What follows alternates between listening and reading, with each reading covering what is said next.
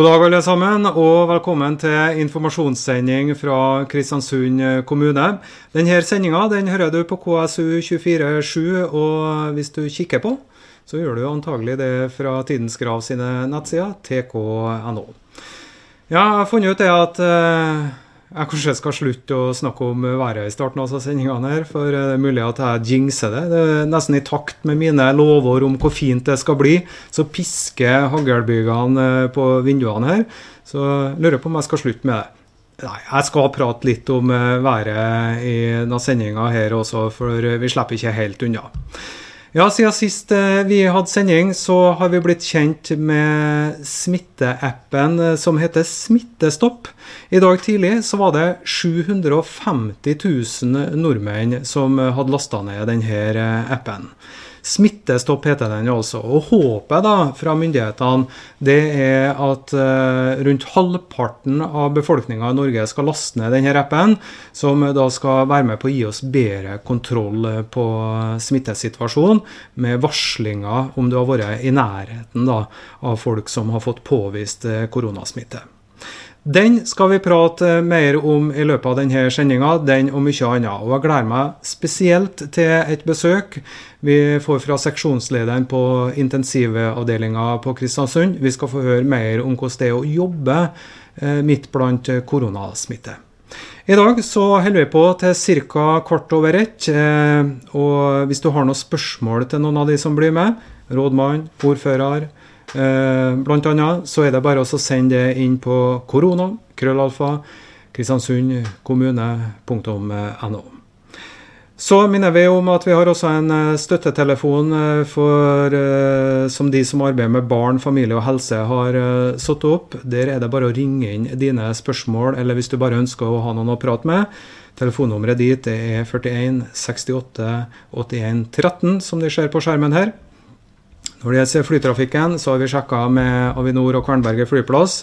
Der eh, er ting i rute. Det er ikke noe større forsinkelser. I hvert fall så er ikke været imot dem. Det er i ferd med å bli ganske bra ute her.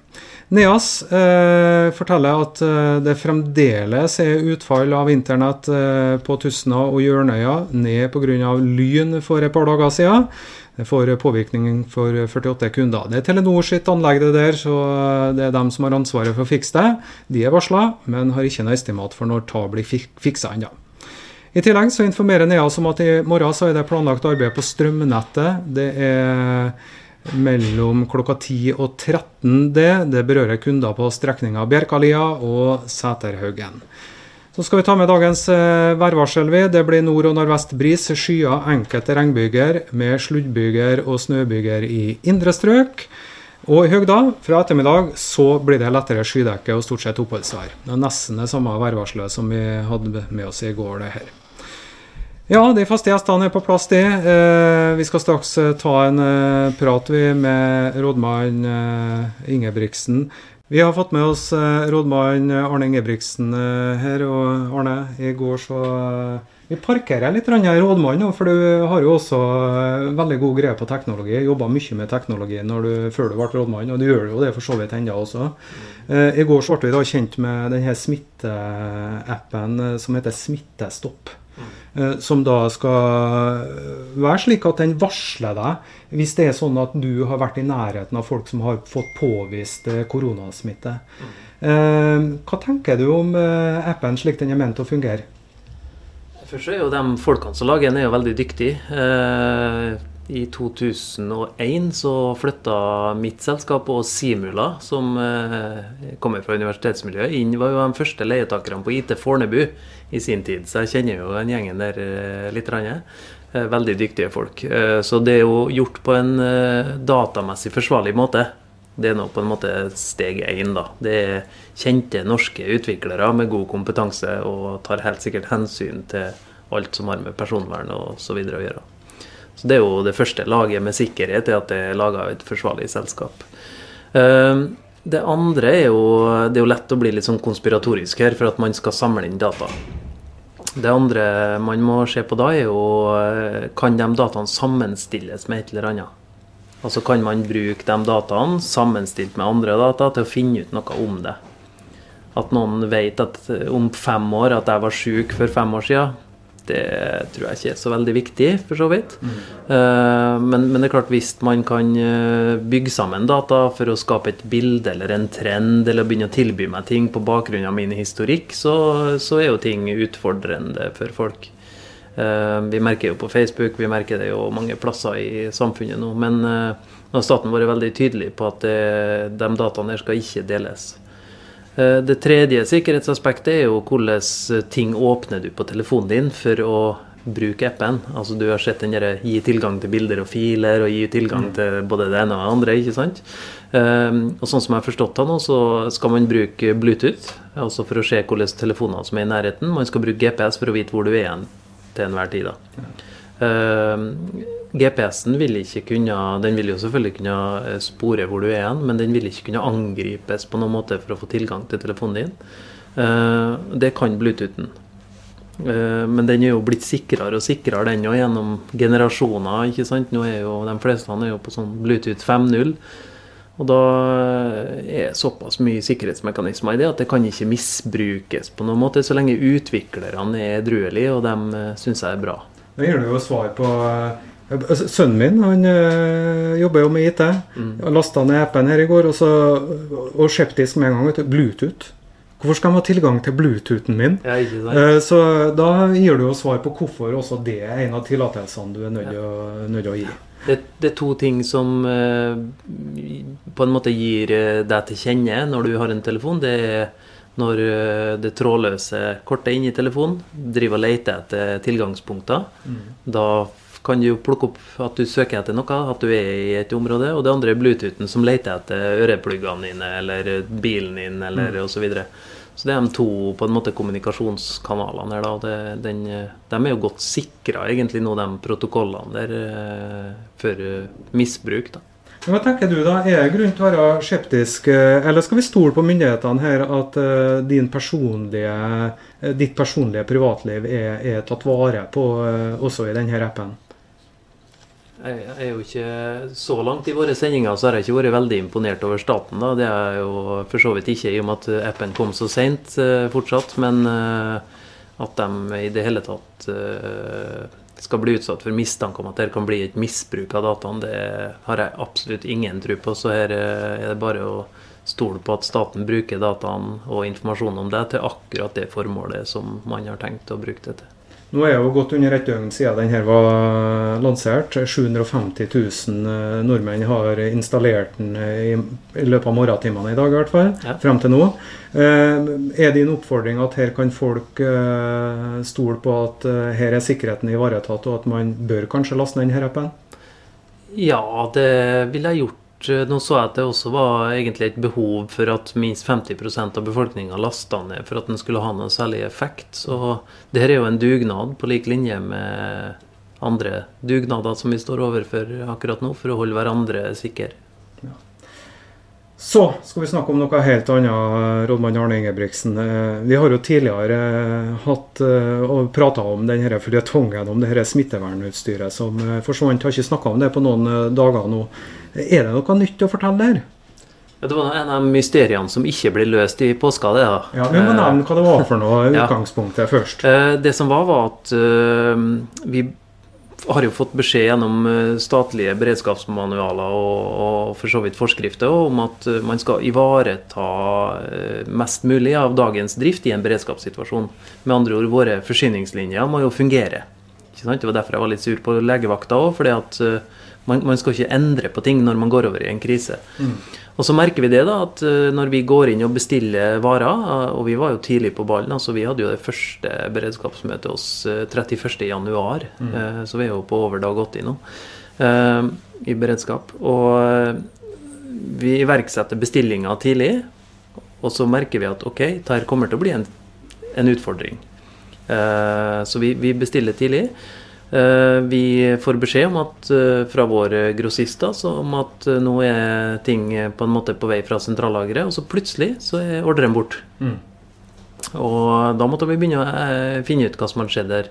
Og da nøsta vi litt med leverandørene og fant ut at sentrallageret som de grossistene igjen da bestiller ifra, har fått beskjed om at sine ordrer skal gå til sykehusinnkjøp. Ja. Ja. Så de hadde liksom kuppa bestillingsleddet? Det kan du si. Eh, Og det, det vil jo si at eh, jeg forstår jo at staten var i, hadde en viss panikk for å få tak i utstyr. eh, Men det der skulle jo til kommunene, i kommunenes etablerte forsyningslinjer. Og hvis de da er mm, på en måte eh, gjort avbrudd i våre forsyningslinjer for at det skal gå gjennom en type statlig forsyningslinje isteden, eh, så forsinker jo hele prosessen. Altså Vi har jo etablerte logistikkjeder vi for å håndtere dette her.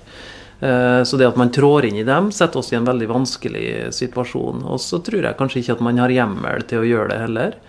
Og eh, Kommunal Rapport, som er for så vidt et, eh, distingvert eh, tidsskrift i kommunal sektor, eh, er på saken nå. De har snakka med leverandørene, de kontakter departementet for å høre eh, mandat er det da man har hatt for å gå inn i logistikkjedene til kommunene og ta over varer som skulle gå våre sykepleiere til komme våre sykepleiere til nytte. Ikke sant. Det høres ut som det offentlige som tar fra det offentlige. Og hvis Kommunal Rapport, som eh, tross alt er betydelige journalistiske krefter, eh, er på saken, da tipper jeg at siste ord er ikke sagt Nei, det, i denne saken. Det er jo ikke det. Ja, men det skal bli spennende å følge med. Takk for at du kom eh, i studio, Arne Ingebrigtsen. Eh, Og god helg. Får du, får du tatt fri i helga, eller? Eh, søndagen så blir det nok en tur, tenker jeg. Ja, Du er jo god på tur, er du ikke det? Jo, jeg kan det. Ja, Sandvikstien. Ja, Anbefales. ja der har jeg akkurat vært. Ja, er ok. Ta en ny en, da. Ja. Havstien. Yes, da skal vi eh, om ikke så altfor lenge prate, eh, forhåpentligvis i hvert fall, for jeg vet at kommunelegen Askild Sandvik han er ute på befaring hele dag på barnehagene. Vi kan også høre hvordan det har gått der, men om han har klart å komme seg inn i huset igjen, det er vi faktisk litt usikre på. Eh, tross alt viktig at han får gjort den jobben òg. Da har vi fått eh, kommuneoverlege Askild Sandvik hit i studio. og Du har jo vært på en barnehagerunde Askild, i dag. Rukket tre barnehager. Og Hva tenker du nå om det du har eh, sett? eh, og Du er jo for å sjekke tilstanden ja, for barnehagene å åpne på onsdag neste uke. Jeg er veldig beroliga og imponert over det arbeidet som gjøres i barnehagene. Nå har vi vært eh, både Blåtoppen og Karjala, og så kommer jeg akkurat fra Heinsa barnehage. og Her, har man igangsatt gode prosesser. Man tar det her veldig på alvor, og der man finner veldig gode lokale løsninger på, på problemene. Så nå har vi hatt en full gjennomgang her med alle de barnehagene, og de er godt, godt på vei til å få til at det skal bli veldig, veldig bra. Sånn at eh, det skal bli trygt for barna å begynne i barnehage. eh, Og de ansatte skal være godt opplært. Slik at eh, vi ser frem mot oppstarten på, på onsdag. eh. Ja, hva er en sånn typisk situasjon eh, som møter da eh, foreldre som skal levere et barn på onsdag? Hvilke tiltak er det de merker? Vi vil på en måte merke det at eh, det blir mindre Nå skal det bygges opp, opp grupper av barn. Og, og, gjennom, og gjennom dagen så skal barna stort sett ha kontakt med si lille gruppe, eventuelt ei gruppe til. Eh, det vil være mer eh, ut. Eh, og, og, det er klart man vil jo unngå bl.a. trengsel i garderoben og sånn, slik at man kan finne på å måtte, å måtte vente litt for å få levert barna. Det vil på en måte være nytt. Det vil selvfølgelig være økt fokus på, på, på smittevern og håndhygiene. Det vil bli mer håndvask for, for barna. Uh, barna har jo allerede gjort en stor innsats her. Uh, ved å på en måte være hjemme, så har de uh, vært solidarisk med, med den delen av voksenbefolkninga som er veldig ut, utsatte. Så barna har allerede gjort en stor innsats. Det tror jeg er viktig at foreldrene kommuniserer at barn her har vært med på dugnaden og, og gjort noe veldig viktig. Men nå skal man begynne i barnehagen igjen, men så blir det litt annerledes. Det blir samme barnehagen, men, men, vi må fortsatt, men vi skal være litt mindre grupper. Vi skal være litt mer adskilt enn før. Vi skal være litt mer, uh, mer ut. Og så skal vi vaske hendene det, og så kan vi ikke gå i barnehagen hvis vi er litt syke. Sånn, det, det, blir noen forandringer, men, men, likevel så blir på en måte her bra. Og jeg tror at når det har gått seg til selvfølgelig uvant og spennende i starten, men ta, for godsettet så, så blir det veldig bra. altså. Ja, og ta er jo eh, informasjon som eh, man allerede nå kan begynne å fortelle barna, sånn at de er innstilt på at det blir en litt annen barnehagehverdag.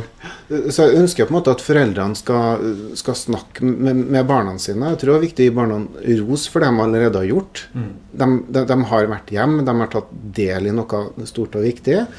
Og, og nå skal de begynne på barnehagen, og da blir situasjonen blir, blir, blir litt spesiell. Og det er viktig å forklare dem litt hvorfor det her, her, blir spesielt, og hva jeg som kan, kan forvente meg. Så det er fint hvis foreldrene starter noe, noe prosessen med, med, å snakke med ungene sine om det her. Går det an til å, å si til barn at du ikke skal prøve å ikke være i kontakt direkte kontakt med andre barn f.eks.? Er det mulig? Nei. Nå, nå, eh, på, på, på, småbarn så, så, så, sier det seg sjøl. Men nå blir det jo lagt opp slik at de små gruppene her, eh, altså innenfor smågruppene, så, eh, så, så, skal man jo ha kontakt. Sånn at man på, på ei småbarnsavdeling. altså F.eks. Det, det, det, blir bare sånn. Men mm. uh, slik at innenfor gruppene så, så, så, skal man jo ha kontakt, men man skal ha fokus på hygiene. Uh, men, og mellom to grupper i en barnehage så kan man jo ha kontakt. Men i forhold til de andre gruppene så skal man ikke ha kontakt. Mm. Derfor så kan det hende at uteområdene blir uh, oppdelt. ikke sant? At det kan komme en del ting som man ikke har sett før. At man bare, når man leker ut, så skal man bare leke der, f.eks. Og det er sånne ting som kan være viktig at man er forberedt på. Og det er greit å, å snakke med ungene om også. Du, eh, En annen ting eh, Askild Sandvik, det er jo det at eh, nå går vi jo mot noen dager med finvær. Og, og det har vi jo ikke hatt på flere uker her i Kristiansund. Det gir jo en endring i atferden til folk da, som kanskje ikke er ønska. Hva er folk må tenke på nå når eh, finværet kommer og det frister mer å gå ut? Reglene for avstand og hygiene, de, smittevern, de gjelder fortsatt. Ja. Uh, slik at vi må bevege oss ut, men vi må passe på å, å holde avstand og unngå sammenstimling av uh, folk. Ja, men ser du, ser du, for deg at det er et problem at parkeringsplassen på Prestmyra er stappfull f.eks.? Bør man ta hensyn til det? Ja, jeg tenker at man, man kan jo man, man, trenger ikke å dra der alle andre drar fortsatt. Uh, for at som sagt, vi er inne i et langvarig løp. og og det å holde avstand. Avstand er en av måtene vi bekjemper her på. Hvis det blir noe finvær og vi stimler oss sammen på, på få plasser, så øker smitterisikoen. Og det, det, vil vi unngå. Tipset her kan være å gå på ut.no eller morotur og finne seg kanskje løyper som ikke er, er rundt Prestmyra og andre plasser. Altså, utforske uh, nye ting. Ja. Altså, nye turer. Hvorfor ikke? Ja. Helt sikkert eh, et godt uh, grep å gjøre det for dette her. Du, eh, Avslutningsvis eh, så vet vi jo nå at eh, når det gjelder munnbind, så går jo de europeiske smittevernmyndighetene ut og sier at eh, landene bør oppfordre sine medlemsland til å bruke det også utendørs, mens FHI her i Norge sier at det trenger vi ikke i Norge. Hva er dine tanker om det? Det er klart at munnbind kan ha noe for seg i enkelte sammenhenger. Det er jo åpenbart. La oss si at hvis det er veldig trangt, altså eh, undergrunnsbaner, folk står veldig tett, eh, kollektivtransport i, i større byer, og der du har et høyt smittetrykk, så vil munnbind kunne, kunne, ha noe for seg. Men her i Kristiansund, er det nødvendig? Lokalt her nå, nei.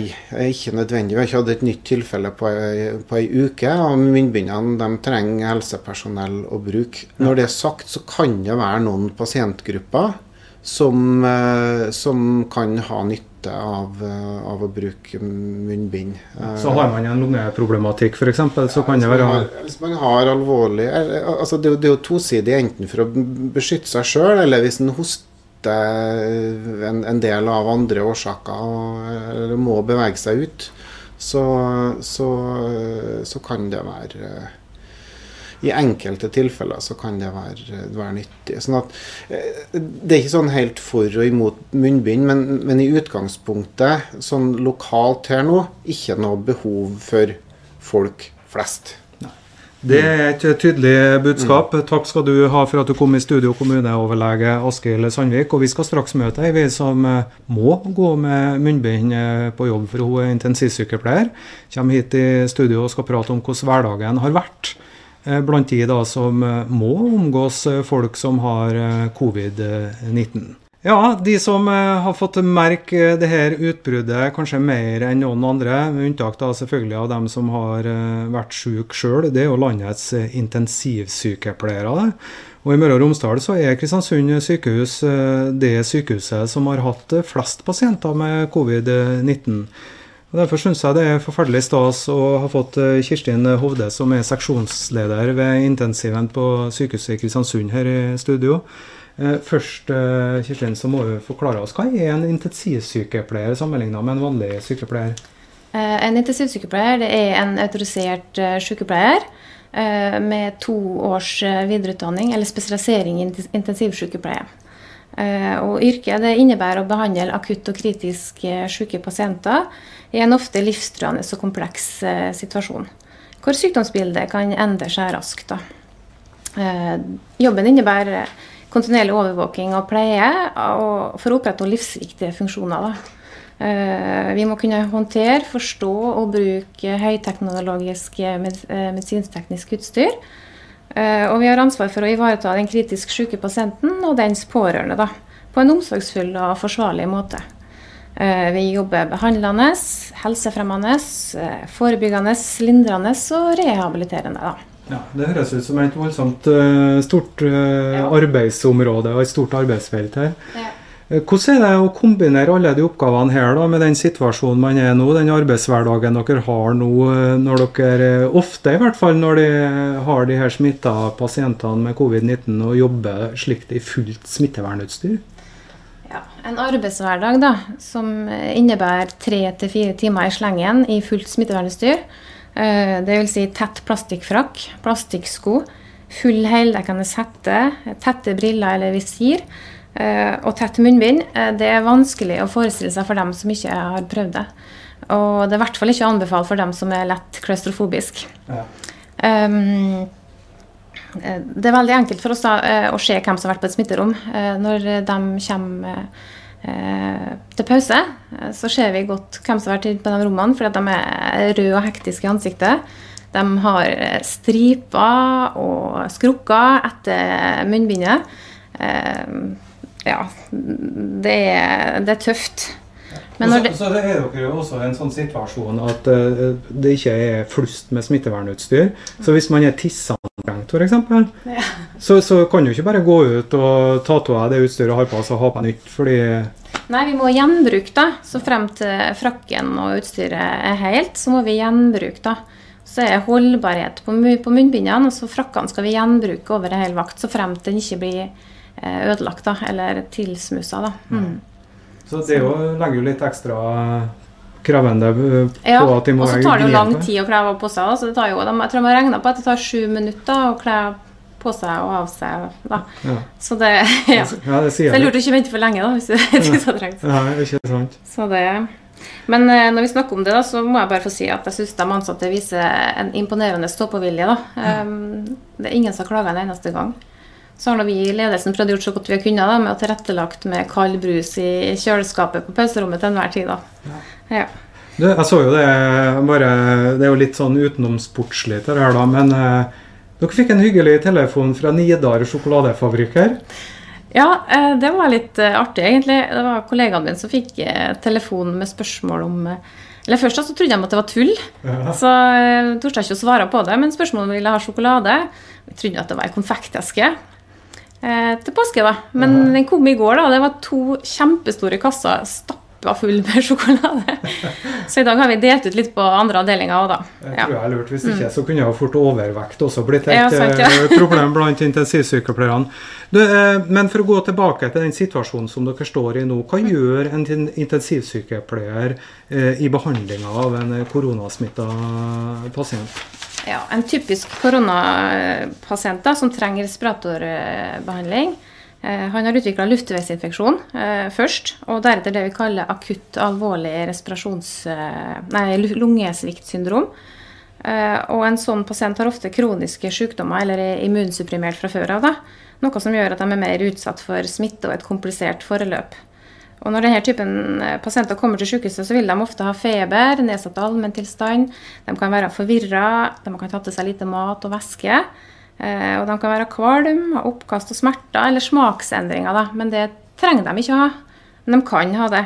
Og de kan ha lavt blodtrykk og, og høy puls. da.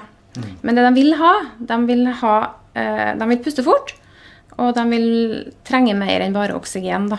Mm. Eh, og da er det viktig å si at respiratorbehandlinga til akkurat den typen her pasienter den er ekstra utfordrende.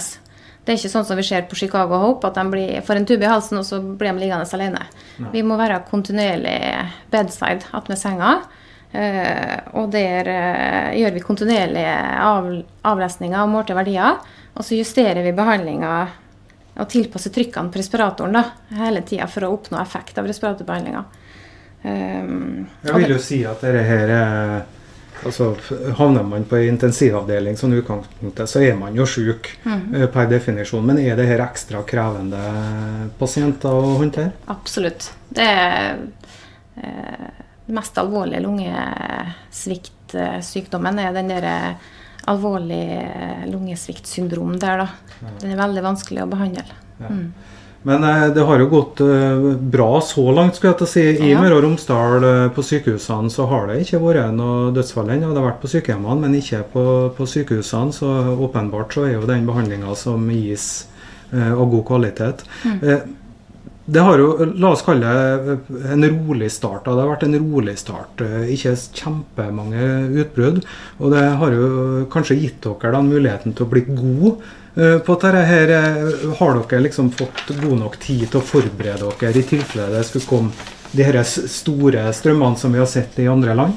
Ja, det har jo det har vært planlegging på høyt nivå. da. Jeg starta jobben som seksjonsleder på intensiv 12.3. Ja, det er en pangstart. Um, ja, det er vel så å si på dagen eh, det starta ekstrem planlegging på høyt nivå på sykehuset vårt. da. Så for meg har det ikke vært en rolig start. Men fra jeg starta til de første koronapasientene kom, så gikk det 14 dager. Og eh, den tida ble brukt veldig godt på forberedelser. Eh, og forberedelsene er jo ennå ikke ferdige, men vi er kommet veldig langt eh, her i byen.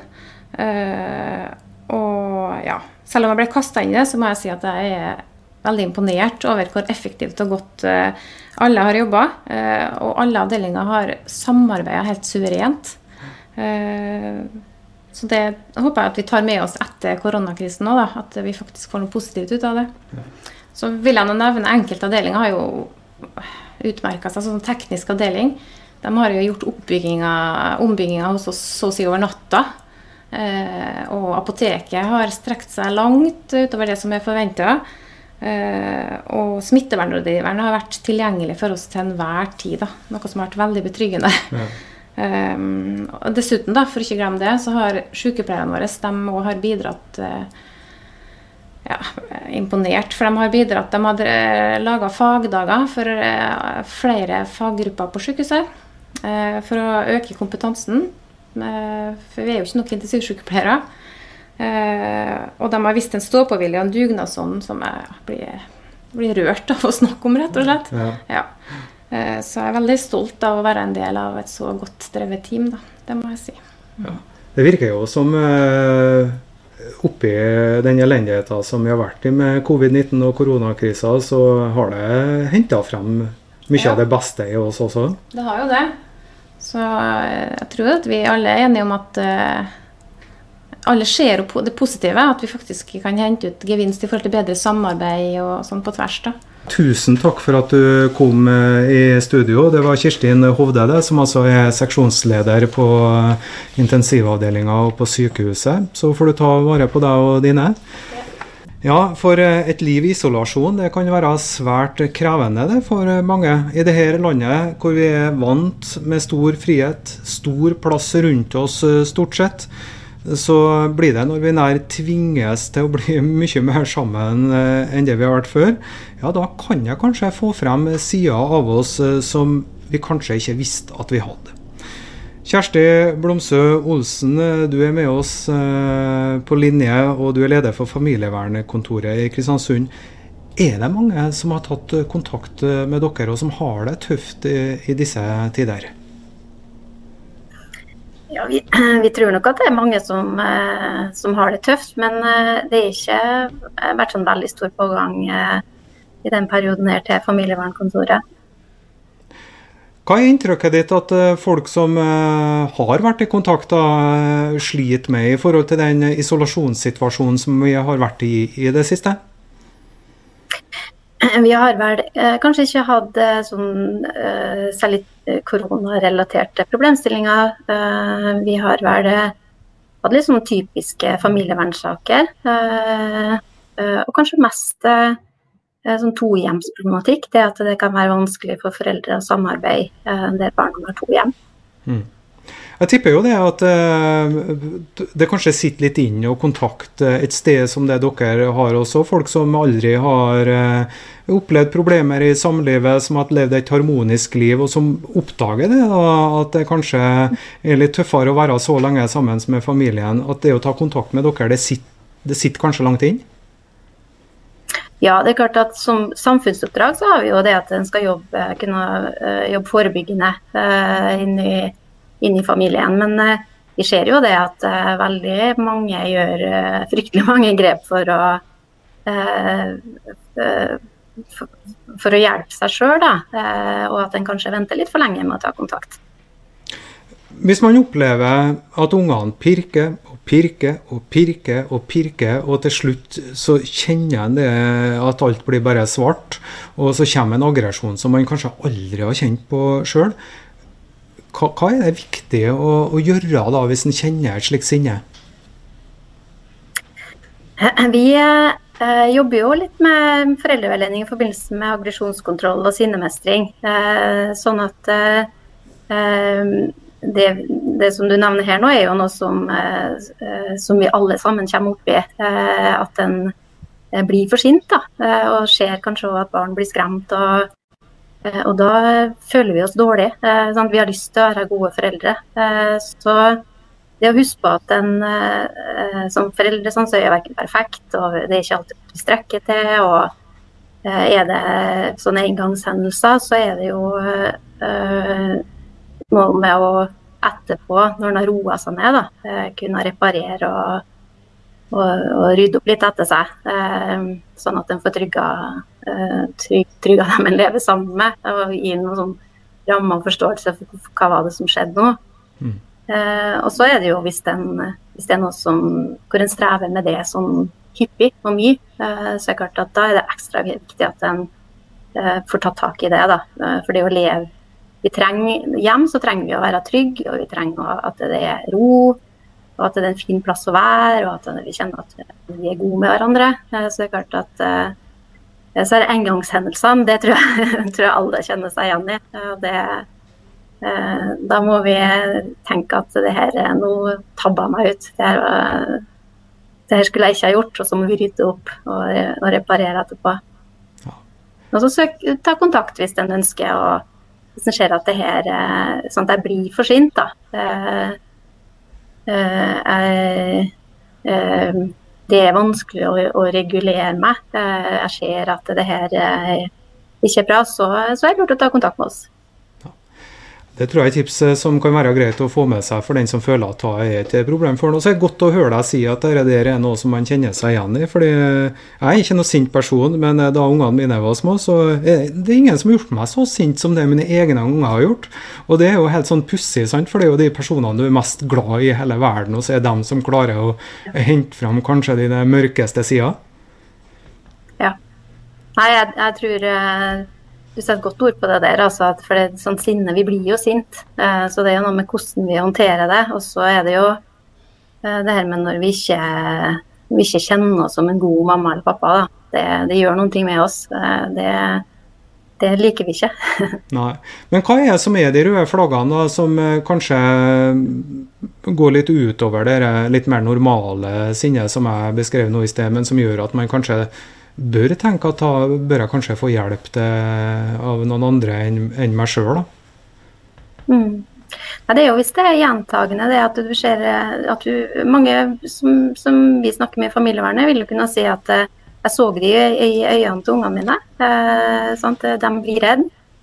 Eh, og vi vet jo hvilke konsekvenser det får for barn når de eh, går og er redde eh, hjem. Eh, og, og, går og var på hva er det som kommer til å skje nå. og eh, sånn Forrige gang så sa jeg det og det, og da ble mamma og pappa veldig sint. og sånn, vi måtte gå litt sånn og, og være veldig var på hva kommer til å skje. Så øh, det å være oppmerksom Hvis den blir for sint, så er det noe med å være oppmerksom på å registrere øh, sånn, hva, hva, er det som er liksom typiske ting som jeg sier og gjør øh, når jeg begynner å hisse meg opp. og så er det jo å kjenne litt sånn etterpå hva er sånn signal hvor, som jeg kan kjenne igjen på som, som et signal på at nå blir jeg mer irritert, nå blir jeg mer sint. Sånn, hva skjer i kropp, og hvor, hvor kjenner jeg det hen, og hvilke tanker får jeg, og hvordan er følelsene mine. Ja. Så det er å være litt sånn på jakt etter hva er det som skjer innvendig. Og så er det noe med å bruke de tegnene da, for å at vi eh, hjelper oss sjøl ut av det å, å bli sint. Og, det er jo, en skal jo være ganske på den jobbinga for å bli, få liksom tak på det. Og, og Eh, fordi at neste er jo da også bryte. Sant? Når du kjenner at nå, nå beit jeg, nå hørte jeg, nå sa jeg det, og det, da er jeg på vei inn i noen ting. Skal du kjenne igjen, så skal du bryte det, det mønsteret. Og det, mm. for noen så uh, gir det veldig mening, sånn som vi jobber med ta individuelt, så gir det veldig mening veldig kjapt. Uh, og for noen så kjenner en at det er litt vanskeligere det her med aggresjonskontroll. Og Hvis man uh, nå føler at man trenger denne type hjelp, da, hvordan kommer man i kontakt mm. med dere f.eks.? Da ringer en telefonnummeret til familievernkontoret, og så, og så gjør vi en avtale. Nå er det jo Framover nå så er det jo sånn primært telefontilbud som, som vi må legge opp til. Men mm. når det er sånn én-til-én-samtale, så, så, tenker jeg likevel at, en, at, vi vil kunne starte opp på noen ting som så hvis en kjenner at det her er vanskelig å finne ut av på egen hånd, så vil jeg anbefale at en tar kontakt. Og så ligger det på nett så ligger det på det noe som heter littsint.no, så ligger det òg masse informasjon på mange forskjellige språk eh, som er utvikla i familievernet, hvor en kan eh, få opp oppmerksomheten og bevisstheten på um, hva som skjer i oss, da, og hvilke konsekvenser det får for barn. Det vet, det vet vi en del om. men, eh, men det er likevel greit å Eh, um, få, få, den informasjonen, for det, det gjør noe med oss. Sant? Vi har jo ikke lyst til å, å vise det sinnet. Littsint.no altså er et godt tips å gå inn på, eller kontakte familievernkontoret, da, som dere finner kontaktinfo eh, på, på nettet. Takk skal du ha, Kjersti Blomsø Olsen, eh, som er leder for familievernkontoret.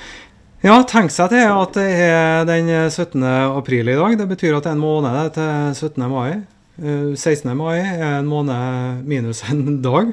Og for noen så er jo da den tida det skal være ekstra stas å gå inn i, vet du. Russen. De har fått utsatt sin uh, russetid, de. Og russepresident Maria Klakegg, er det mange russ nå som er skuffa over at russetida blir såpass annerledes som den ser ut til å bli? Ja, det er jo så klart veldig mange som er skuffa. Eh, vi har jo sett fram til russetida nå, veldig mange helt siden førsteåret på videregående. Uh, og det at uh, vi skal bli det året som kanskje ikke får lov til å ha ei russetid, det er jo ekstremt skuffende. Uh, og veldig mange har også brukt masse penger på dress, på sang osv. Men jeg tror det som er mest trist, er egentlig at det var på en måte den avslutninga vi skulle ha da, sammen med kullet vårt etter mm. tre år sammen. Og det er ganske trist å tenke på at vi har kanskje gått siste dagen på skolen sammen. Og vi får på en måte ikke sagt da, farvel på den måten vi hadde lyst til. Da. Eh, hvordan blir det i år nå da med russefeiringa deres? Vet dere det nå eh, når ting starter hos dere, og når dere kan begynne å feste litt og kose dere sammen? Det er veldig vanskelig fortsatt, fordi vi, vi følger jo rådene vi får hele tida, og de forandrer seg jo veldig ofte. Så det er vanskelig å sette på en måte noen faste datoer. Akkurat nå så ser det ganske mørkt ut for ei russefeiring i mai, i og med at eh, for det første så kommer vi ikke tilbake på skolen, eh, i hvert fall ikke vi som går på Atlanten. Um, og I tillegg til det så er det jo maks antall på fem stykker sammen, og det er jo ikke akkurat det som er det vanlige i russetida. Uh, det er òg kanskje sånn at 17. mai blir avlyst, og det er jo òg en stor dag for russen. Um, vi har jo sett på det hovedstyret i Oslo og Viken har gjort. De har tenkt å flytte russetida til 16.6, i og med at da er, det, da er forbudet mot offentlig arrangement over, da, foreløpig. Men de har jo heller ikke fått noe grønt lys på det enda. Akkurat nå så ser vi òg på de datoene, se om vi kan flytte russetida eh, til sommeren. Men eh, i og med at vi vet så lite enda, så er det ganske vanskelig. Men vi har tatt kontakt både med kommuneoverlegen, politiet og Fylkesmannen for å på en måte starte en dialog da, mellom oss og dem, sånn at eh, vi kan få innspill på hva de tenker er innafor. Og så kan de høre hva våre planer er. Mm. Fordi jeg er veldig eh, positivt overraska over hvor eh, optimistisk da russen er, og hva, at vi fortsatt prøver å få til noe, selv om det blir annerledes i år. Ja, Du nevner jo Oslo og Viken, og heldigvis så har jo russen her i Kristiansund og på Nordmøre litt mer sånn nøktern tilnærming enn det de har med de her millionbussene og, og, alt det der. Og Dere snakker jo om at dere har brukt mye penger på russedresser og sånn, men der er jo helt andre investeringer. Det er nesten godt nå da, å kunne være på den andre sida av feiringa i så måte? Ja, det er jo eh, Vi har i hvert fall ikke brukt flere millioner på buss. Det er jo egentlig bra at vi da er vandrerust nå. Så det, vi har ikke brukt penger på det, i hvert fall. Er det slik at dere planlegger noen stunts allikevel, eller som gjør at dette her kan bli ei en fin feiring, sjøl om det da skulle bli, vise seg å bli langvarig, dette med restriksjoner på fem stykker i samme forsamlinga? Ja, vi har jo hatt møter med russestyret på Teams og sånn, og vi prøver å lage arrangement som er innenfor de retningslinjene som har blitt lagt. Eh, vi tenker jo f.eks. hvis folk vil møtes på Teams og sitte hjemme i hver sin stue og drikke sammen. Og vi tenker òg på rustedåp på Teams osv. Men det blir jo ikke det samme. Det er òg arrangement vi har tenkt på der vi kanskje kan møtes. Uh, vi har tenkt litt på om vi kunne hatt et piknik, f.eks. i Skjerva, der alle sitter på hvert sitt piknikpledd. Fem stykker hvert pledd. Vi prøver liksom å finne på ting, da. Men vi må snakke med politiet og overlegen osv. for å se hva de tenker da, om ulike tiltak. Det er på en måte litt vanskelig å lage stunt i og med at vi vil jo ikke gjøre noe som kan bidra til at det blir mer smittespredning. og derfor er det Vi må i hvert fall være i dialog hele tida med dem som vet litt mer enn oss. da. Men vi prøver jo å få til å lage ting som kan være bra for russen uavhengig. da. Det høres jo ut som dere har en svært fornuftig tilnærming til det. Men så vet vi jo ofte at god dømmekraft eh, forsvinner i takt med at promillen stiger. Eh, hva gjør dere nå da for å sikre at eh, russen følger rådene fra myndighetene? Vel, um, alle russen tar, tar, tar, det her veldig alvorlig. Jeg er blitt veldig overraska over hvor uh, flinke de var fra start én. Jeg, egentlig, jeg tenkte på en måte at noen kom til å være sånn nei, vi, det går bra, vi møtes likevel og sånne ting. Men jeg har ikke opplevd at noen har tenkt sånn. I tillegg så um, hvis uh, promillen stiger, og når vi kommer litt nærmere, da kan det hende at folk mister litt hodet og tenker at jeg har lyst til å feste uansett. Men sånn som jeg opplever kullet mitt, så tar alle det her veldig alvorlig. Og folk skjønner at uh, det her er noe som ikke kan tulles med. Så jeg tror og håper at eh, de skjønner, og alle vi skjønner, at eh, uavhengig av at vi har lyst til å feste, så kommer vi ikke til å gjøre det, da, med mindre det er noe som er lov. Ja, Du eh, sier jo sjøl, dere vet jo så lite om hvordan dette her eh, skal bli. Men hva håper du da, Maria Klakegg, som er russepresident, skal bli feiringens eh, høydepunkt? Akkurat nå så håper jeg bare at vi får lov til å feire i det hele tatt.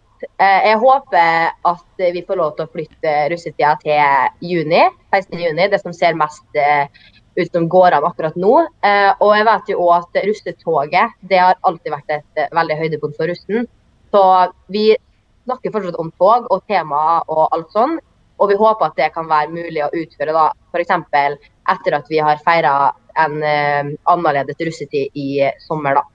Ja, Dere har i hvert fall en fornuftig tilnærming av det. Og det virker som dette her skal gå bra hvis, det, hvis russen oppfører seg sånn som det du legger opp til, russepresident Maria Klakegg. Tusen takk for at du var med i studio. Ja, Det er jo mange organisasjoner, foreninger og arrangementer ikke minst, som eh, får merke de negative konsekvensene av den situasjonen vi er i nå rundt koronasmitte.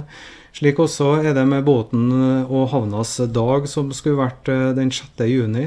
Det er Kristiansund Positiv, Kripos, gamle Kripos-gjengen som står bak eh, dette her. Og eh, ja, Lars Sevaldsen, dere er eiere og har da muligheten til å komme med en anbefaling til den gruppa som da skal bestemme hvordan det her skal bli. Og hva er det dere har anbefalt dem om å gjøre? Vi har i dag hatt et styremøte, og vi har anbefalt prosjektkomiteen til å utsette båtens og havnas dag til neste år. Så kommer vi hardere og sterkere tilbake om eh, et år? Altså. altså absolutt. Og planen for i år var jo neste plass, plass og vi skulle jo ha eh, dagen sammen med Sladderfestivalen. Og så det har jo vært en skikkelig lørdag her i også Kristiansund. Men eh, dessverre, av kjente årsaker, så må vi avlyse den. Men vi kommer sterkt tilbake neste år. Ja, var det en enkel beslutning å ta det her? Nei, det, vi, vi eh, hadde vansker med det. Men eh, det er klart at i, i disse koronatider så, så, var det ikke noe mer å tenke på. Så enstemmig vedtak i styret å anbefale prosjektkomiteen om å avlyse til neste år.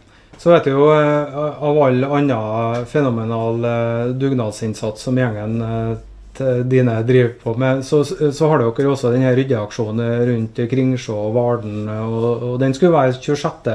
april. Hva gjør du med den? Eh, korrigerer deg litt. Lørdag 25. april. Ja. Men eh, den blir også ikke avlyst, men den blir utsatt til myndighetene eh, løsner enda mer, og at vi kan eh, være flere. Så den blir gjennomført. Eh, spesielt har med rense opp av vannrenner og rydde i vanndammene og eh, Kringsjå-områder, som vi har hatt hvert år. Og da eh, ser jeg jo for meg at det er mange kristiansundere som nå ikke har så mye å gjøre. De ivrer etter å komme til den datoen vi bestemmer senere. Ja, For det har vært god respons eh, når det har gått bredt ut tidligere med frivillige også her? Ja da, det har vært eh, god respons. Og eh, vi syns jo sjøl at vi har fått heva det totale inntrykket på, på vanndammene og Kringsjå. Ikke minst sist med den gapahuken vi, vi bygde på de utsiktsplassene, har vi merka er veldig mye brukt. Ja. Og dere planlegger jo også å gjøre ytterligere forskjønningstiltak, for å si det litt formelt, her i, i det området. der de, de, de, har planer om å gjøre mer også? Ja da, vi har eh, et veldig godt samarbeid med Kristiansund kommune og Parkvesenet. Og de mindre oppgavene som vi kan gjøre, tre, fire, fem stykker, vil vi starte opp nå når bare været bistår oss. Og Det er i første omgang eh, reparasjon av benker. Og så er rydding rundt Varden før, før uh, utsikta blir stengt der. Og vi har uh, litt grusing av noen småøyer. Så vi har da litt å holde på med fremover i disse koronatider òg. Ja, og det er fryktelig mange som er veldig glad for den jobben som den gjengen i Kristiansund Positiv eh, gjør. Gamle Kripos, tusen takk skal du ha for at du kom eh, i studio, leder Lars Sevaldsen.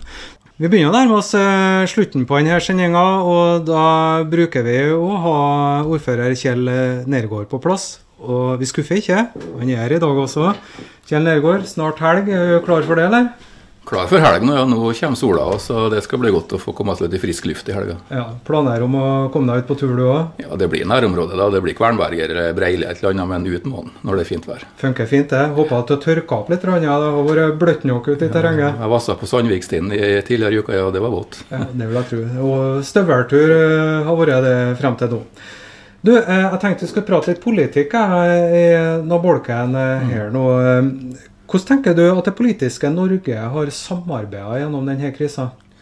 Jeg synes Det kanskje starta litt kronglete, men etter hvert så syns jeg at de har samarbeidet veldig godt sentralt. fordi at eh, jeg syns at covid-19 er lite å bruke i politisk sammenheng. Her er det viktig at uh, sentrale myndigheter og også politikerne opptrer samla, og det syns jeg de har gjort. Jeg har sett det spesielt i forbindelse med krisepakkene, der regjeringen kom med et forslag, men så opposisjonen ikke vært helt fornøyd. og Så har de forhandla og så har de blitt enige, og så har alle partilederne stått samla ute i stortingssalen og sagt hva de har blitt enige om. Og Det tror jeg har vært veldig viktig i prosessen, at vi ikke bruker tid på politisk uenighet når vi skal bekjempe en pandemi. Eh, det har jo vært relativt stille f.eks. fra din partileder da, Jonas Gahr eh, Støre i denne perioden? Stille, det er kanskje, det er ikke helt enig i. Eh, Jonas har vært tøff i sånne perioden. Der, altså han har vært kritisk før vedtakene er fatta, og har, fått, har, vært med å forhandle frem bedre pakker enn det regjeringa faktisk foreslo. Men i etterkant er det naturlig at det er statsministeren da, som fremmer det de, alle partene har blitt enige om. Så da blir det litt mer stille for dem som ikke sitter i posisjoner. Men eh, jeg syns Jonas har vært flink i noen perioden der.